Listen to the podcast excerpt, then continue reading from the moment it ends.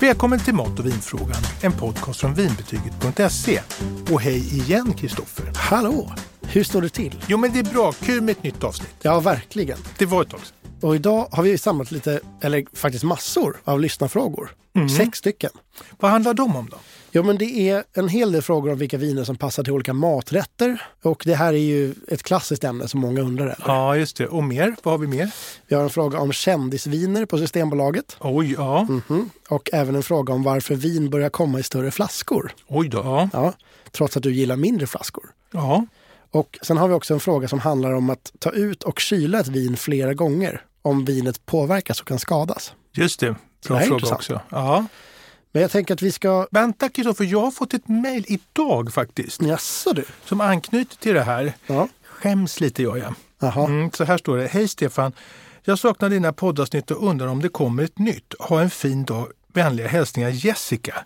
Vi har inte spelat in på...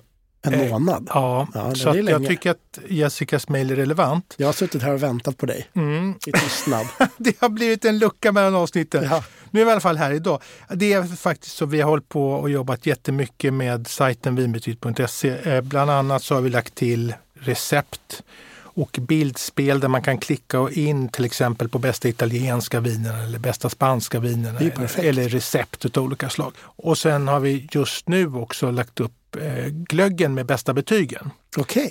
Och det gör att podden har fått liksom inte riktigt rymmas men vi ska bli bättre på det. Ja, det tycker jag. Ja, Nu kör vi frågorna. okej. Här är en fråga från Kerstin. Hej! Jag har fått en flaska Celeste i present. Jag undrar vad som passar till för en magisk smakupplevelse. Alltså i alla fall så bra som möjligt. Få tips om att det ska drickas vid ungefär 14 grader tillsammans med charkbricka och eller ost. Efter att ha lyssnat på ert avsnitt om vin och ost vet jag ju numera att det är skillnad på ost och ost. Kerstin undrar därför 1. Vad för charkuterier och ostar hon ska välja. Och 2. Om det finns annat bra förslag på recept eller mat som skulle passa till. Tack på förhand, säger hon också. Och nu rackarn Kerstin, Mm. nu ska du få svara på tal. Ja, hej Kerstin. Eh, håll i det, för nu börjar jag med att vara lite sträng direkt. Jaha. Jag tycker om när alltså det är under rumstemperatur. Mm. Det här är ett rött vin, ganska kraftigt från Mm. Spanien. Mm. Men 14 grader tycker jag är, är lite väl svalt. Jag tycker nog 15-16, nej, det är inte så petigt, men 14, ja det är en smaksak. Det, sen blir det ju lite varmt i glaset. Mm. Just eh, det. Så man, ganska kan, man snabbt. kanske ska kyla det till 14 så kanske det hinner värmas upp till 15-16. Ja, så kan vi säga. man Det är bra, du har rätt. Eh, Både du, Kristoffer och Kerstin har rätt. Eh, Så jag backar på det. Jo, men Celeste kommer ju då från Ribera del Duero i Spanien och det är ett fint, bra område. Det kostar 199 kronor så det är ett fint, välgjort. Och man kan vara lite trygg med ett sånt här vin. Det passar till mycket. Okej. Det är inte väldigt knepigt egentligen. Nej. Och jag skulle nog hålla mig till de här ostarna som vi har pratat om, lagade hårdostar, för det är så pass mycket smak i det. Mm. Gruyère, det är schweiziskt då. Mm. Comté från Frankrike. Eller varför inte vår svenska Västerbotten. Mm. Eh, parmes- Från Västerbotten. Ja, och det- den är ju ursprungsskyddad. Va? Ja, visst. Eh, men det är även en ost som vi har pratat om i, i podden som heter Vrångebäck. Just det. Det är, Det är två, en superfavorit. Den har du lärt mig. Ja, och det finns två ostar tror jag i Sverige som har ursprungsskydd och det är de båda. Mhm. Så de måste vi tipsa om. Mm. Det finns ju anledning till att de är ursprungsskyddade. Verkligen. Och sen tycker jag ju den här klassiken parmesan är supergott. Just det. Skära en bit, mjum, mjum, mjum och så en klunk vin, mjum, mjum, mjum, så va. Mm. Så att krångla inte till er Kerstin utan ta ett par goda hårdostar. Av de här gärna. Och som du har sagt så kanske man ska ta en ost bara. Ja. Sen så tycker jag ju att det här med chark och sånt, alltså eh, skinkor och korvar och så, det kan man inte råda riktigt. Det är ty- tycke och smak. Men jag personligen tycker till exempel att om man har tunna, tunna skivor eh, tryffelsalami så är det jättegott. Mm. Ehm, jag tycker prosciutto som är kall, Mm. jag ser gärna den i matlagningen. Alltså väldigt gott på en pizza eller i en pasta eller någonting men inte lika kul naturell kall så att säga, tycker Okej. jag. Ja. Om man inte gör kanske en smörgås med först ett gott eh, bröd, Mm. kanske eh, ett surdegsbröd eh, och sen så lägger man den här eh, prosciutton och sen så lägger man eh, mjuk härlig mogen brie på och Okej. några tomater och lite basilika. Då blir det en annan grej. Mm. Nu lite stickspår. Men eh, Kerstin undrar också vad det här passar till för rätter och sådär i övrigt. Allting som har lite smak mellankraftigt. Alltså kötträtter som goda grytor, kycklingrätter, lammfärsbiffar som man kanske uppkryddar. Va? Och sen när man har ett sånt där vin som är lite kraftigt och fylligt så är det ju gott med en potatisgratäng som möter det här lite, som har mycket ost och lite gräddig och bubblig och härlig. Mm. Eh, sen älskar jag att göra potatis i ugnen som eh, bara har varit kokt lätt med lite, som har rört runt med lite olivolja. Så mm.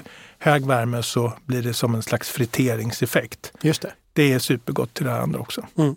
Så ungefär. Så ett mellankraftigt vin passar till mellankraftig mat helt enkelt. Tack för att du hjälpte med den förtydligandet. så har vi fått ett mejl från Henrik. Mm. Han säger så här. Hej Stefan! Lyssnar gärna på din podd. Tack för många goda vintips. Tack själv Henrik för att du lyssnar. Mm. På senare år har det dykt på mer och mer vinflaskor med volymen en liter. Vad är anledningen till det? Må gott önskar han oss också. Ja men det stämmer. Det finns på Systembolaget nu viner som ligger på en liter. Eh, ja, jag tror, det finns inte, det är inte jättemånga. Nej. Det är kanske 70-tal viner. Som, det är ganska som många. Har, ja. Och då finns ju de i lite varianter. Mm. Eh, det finns ju dels i flaskor, i glas. Just det. Ja, eh, traditionellt liksom. Men även petflaskor brukar börja dyka upp. Just det. Och, och då är de eh, pantbara. Mm. Så det är lite fiffigt. Mm. Och sen så finns det även tetror på en liter. Mm. Alltså pappförpackningar med sånt där litet skruvlock där uppe. Just det. Och de är hållbara, alltså hållbart val som Systembolaget söker efter. Jag tror vi kommer få se mer och mer av den här typen av förpackningar. Mm. Det är lite som att man gick, jag tror vi pratade om det, skruvkork till naturkork. Mm. Att då var det ju många som rynkade på näsan och sa att det, det var otänkbart. Mm. Och idag så pratar man inte om det överhuvudtaget egentligen. Nej, utan ganska bra viner kommer med skruvkork. Eh, men de här en, tillbaka till frågan kring varför en liter. Mm om man kikar på de här enlitersvinerna så kostar de ofta under 100 kronor. Just det.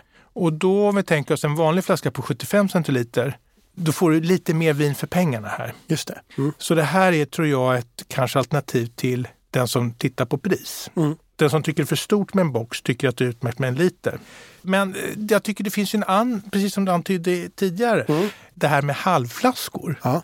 Så där har vi två motpoler. Ja, exakt. En liter och, och så kommer många viner på halvflaska. Och det har jag fler och fler som frågar efter. Mm. Och då, hur, hur, hittar man då halvflaskorna? Ja, alltså både eh, enliters och eh, halvflaskorna har ju på Systembolagets hemsida så har de ju ett formulär där du fyller i storlek. Mm. Och skriver man då 375 milliliter som det ena måttet och 375 milliliter, då får du bara fram ja, de halvflaskorna. Mm. Och samma sak med en liters. Sen är ju frågan vilka som är bra och inte, det är en annan fråga, men det får man gärna mejla hit om. Ja, det är inte bra bara för att det är halvflaska eller bra bara för att det är en liter. Äh, en liter skulle jag nog säga, det är enklare viner. Mm. Det finns ypperliga halvflaskor, fin champagne och allt möjligt. Mm. Men äh, de här andra, de, det tror jag man kan säga med något, kanske något undantag, att det är lite enklare viner. Mm. Mer vin för pengarna helt enkelt. Exakt. Här har vi ett mejl från Roger. Hej Stefan och tack för en intressant podcast som jag alltid lyssnar på när jag klipper gräset. Glad gubbe. Mm, han kan inte klippa gräset nu va? Ja, det är lite sent. På, det, vet jag inte. Han kanske skottar och lyssnar. Eller har en golfbana. Ja. Han skriver i alla fall så här. Jag har på senare tid undrat över detta med reklam och Systembolaget som ju säger sig inte få göra det men ändå ser vi bilder på den ena efter den andra kändisen i vinhyllan som till exempel Leif GW Persson. Missförstå mig inte nu, jag gillar både honom och hans röda portugisiska är väl okej okay, men det rimmar inte riktigt med att inte få göra reklam tycker jag. Han har ju ett starkare varumärke än de flesta. Vad tycker du? Ja, det här är lite intressant eh, iakttagelse måste jag säga.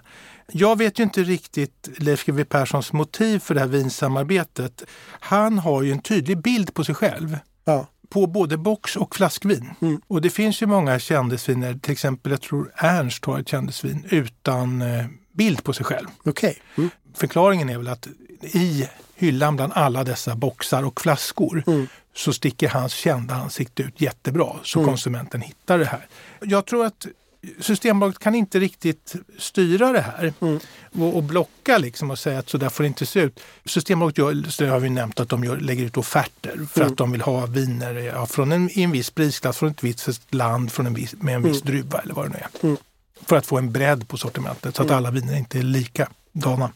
Leif GW Persson-vinet, Mm. det har ju då kommit in via kampanj så att säga. Mm. Man har marknadsfört det här hårt i olika kanaler. Mm. Jag har sett bland annat tv-reklam där han kommer till någon tillställning med någon dam som har slut på vin och så kommer han åkande in i någon limousin och lämnar. Det är ganska tramsigt måste jag säga. Mm.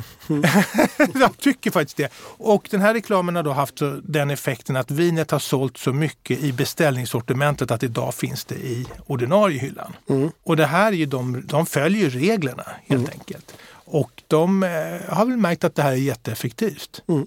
Sen kan väl jag tycka att eh, Leif GW Perssons motiv för att sälja ett portugisiskt boxvin måste vara pengar. Antagligen. Ja, och det tycker kanske han tycker om. Ja, det, det kan jag tänka mig. Sen finns det ju också, man ska ju veta det att med kändisviner eller kändis i marknadsföring överhuvudtaget är ju riskabelt. Mm. Vi kommer kanske ihåg då Paolo Roberto som hade en pasta som eh, och sen så hamnade han då i trubbel eh, minst sagt. Men det är lite svårt för den pastan. Den åkte ut tror jag samma vecka från Ja. alla hyllor med hans namn på. Men känner, får inte, är det bara jag som får en känsla av att liksom kändisviner, ska inte vinet liksom hålla för sig själv? Det, jag, bara, jag bara får en känsla av att det inte är ett bra vin då. Och man måste ha liksom ett dragplåster. Det Ja. behöver ju kanske inte vara så. Eh, Ja, alltså så här tror jag att du har en klar, en, en bra reflektion där. Jag skulle ju tycka att en producent, en vingård som har gjort ett vin efter konstens alla regler, oavsett om det kostar 100 kronor eller 200 kronor. Ja. Men det är ju så att det är ju inte vinbönderna nere i Europa som hittar på de här vinerna, utan det är ju kluriga marknadsförare i Sverige som gör det ja, det och säger så här att nu behöver vi köpa ett vin som kostar så här mycket och eh, smakar ungefär så här. Mm. Och sen är det väl skillnad på den här champagneexperten i Sverige som är internationellt känd, Mm. Rickard Julin. Mm. Han har ju satt sitt namn på mousserande viner. Mm. Och det är ju också något annat för det blir en slags kvalitetsstämpel. Mm. Ja, men sen exakt. är det ju upp till att vinet håller måttet för då ställer man ju lite krav också. Mm. Har Julin sitt namn på det här, då borde det vara bra. Och tycker man inte det, då håller det inte. Mm. Men jag tänker också på det här med eh, kändisar. Då ska man veta att alla kändisviner går ju inte bra. Nej, det. Utan det är några som, som höjer sig över mängden. Och det vet inte jag om det beror på att vinet är så jättegott i kombination med att kändisen är så jättehärlig. Eller vad det är. Ehm, Ja, för det kanske ändå måste vara en sån kombination där båda är okej för att det ska vara en värd, ja, en värd resa. Jag vet ju att eh, Leif Mannerström som Mm. har varit med i tv mycket med Kockarnas kamp och, och sånt där, Mästerkocken och sånt och eh, är ju en etablerad profil inom mat, har ju ett rött och ett vitt vin. Mm. Och då tror jag att han var inblandad och smakade på vingårdarna, liksom, där det blir det här vinet. Mm. Och då tycker jag att det kanske Ja, han har ändå en prägel, tänker jag, som att han vet vad han pratar om. Det kanske den andra Leif också har, det vet jag faktiskt inte riktigt. Jag skulle ju gissat att Leif GW Persson var lite finsmakare. Ja, kanske Alltså du vet vinkällare och, och jakt och, och, och, och sådär. Ja. Och det är därför jag inte riktigt får ihop det när han har ett boxvin som är enklare på alla sätt och vis. Han har ju valt det här. Mm. Sen har vi Per Gessle, musikern som då tror jag har ett privat intresse av vin Mm. och vinkällare och tog fram vin för många år sedan. Mm. Och skulle vara bra vin. Mm. Det tror jag inte går jättebra. Men Mhm. vinet kanske är bra, det vet jag inte. Nej. Men han la sig inte på den här lägsta prisnivån utan en bit upp, Mm. de vinerna. Det känns ändå mer bra i, i, i, i magen på mig i alla fall. att man liksom gör det för att man vill göra ett bra vin och inte bara för att känna en liten extra kosing. Ja, jag skulle ju tycka det om man satte sitt namn på det. Att, eh, Men eh, då säger ju många så här, ja men det är ju smak är ju jättesvårt och vin är personligt och det, det finns inget rätt eller fel. Ah, Många gillar det här. Och, och, jaha, ja. Ja, Mm. ja. Så att eh, som så många andra världar så handlar det om eh, affärer.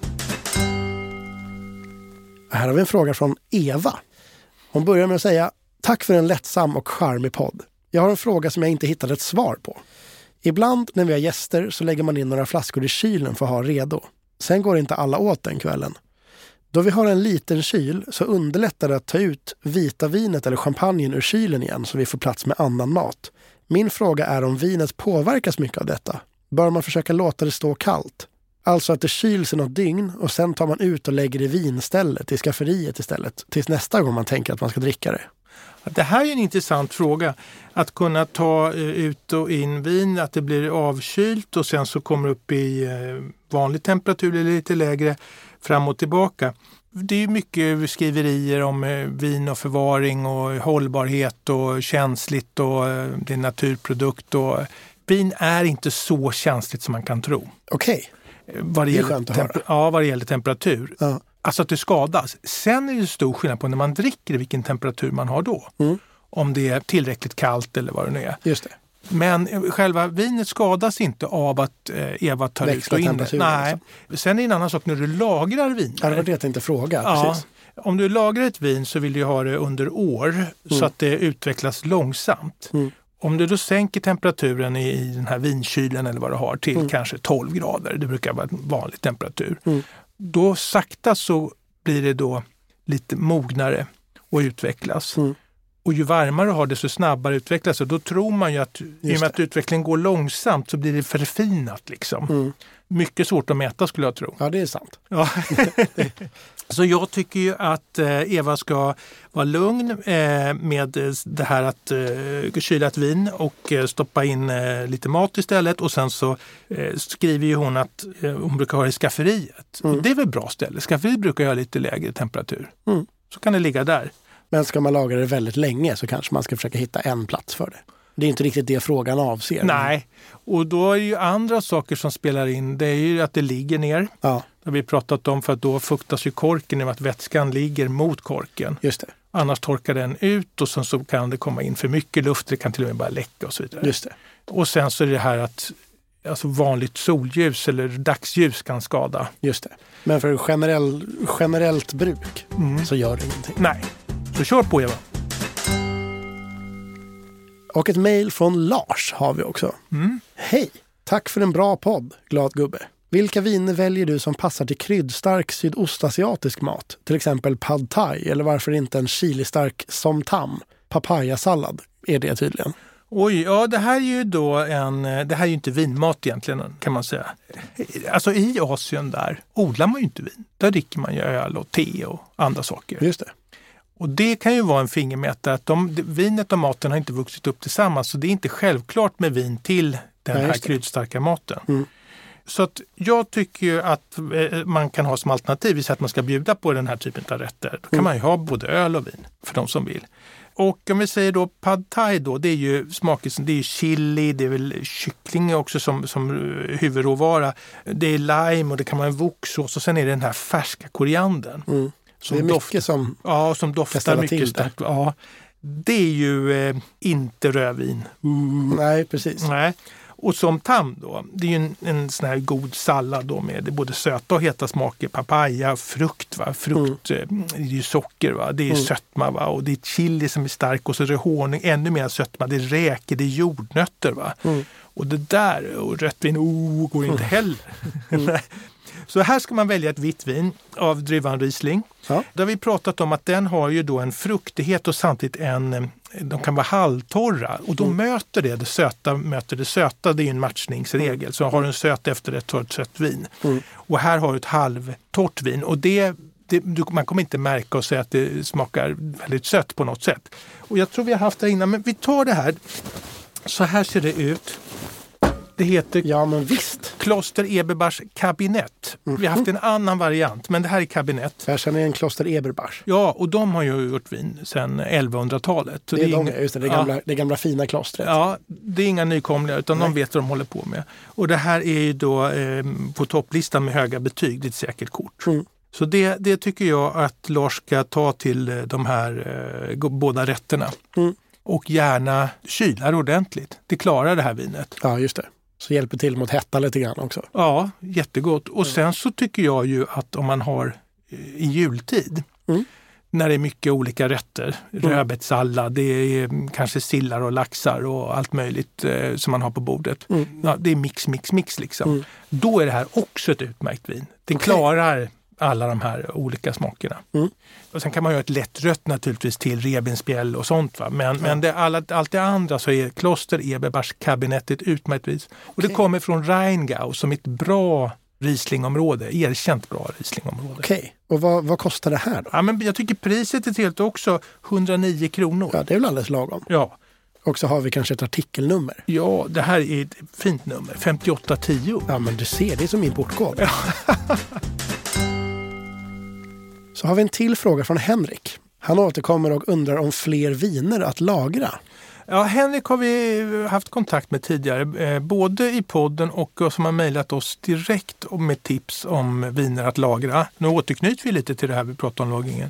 Det är på Systembolaget lite klurigt att se vilka viner. Varje vin har ju en produktsida med information och där står det alkoholhalt och det står druvor och det står lite andra saker och där kan det även stå då kan lagras. Okej, Men för att underlätta att hitta de här lagringsbara vinerna, det är ofta röda kraftiga viner som vinner på att lagras, så har vi en ny kategori på vinbetyget.se som heter vin att lagra.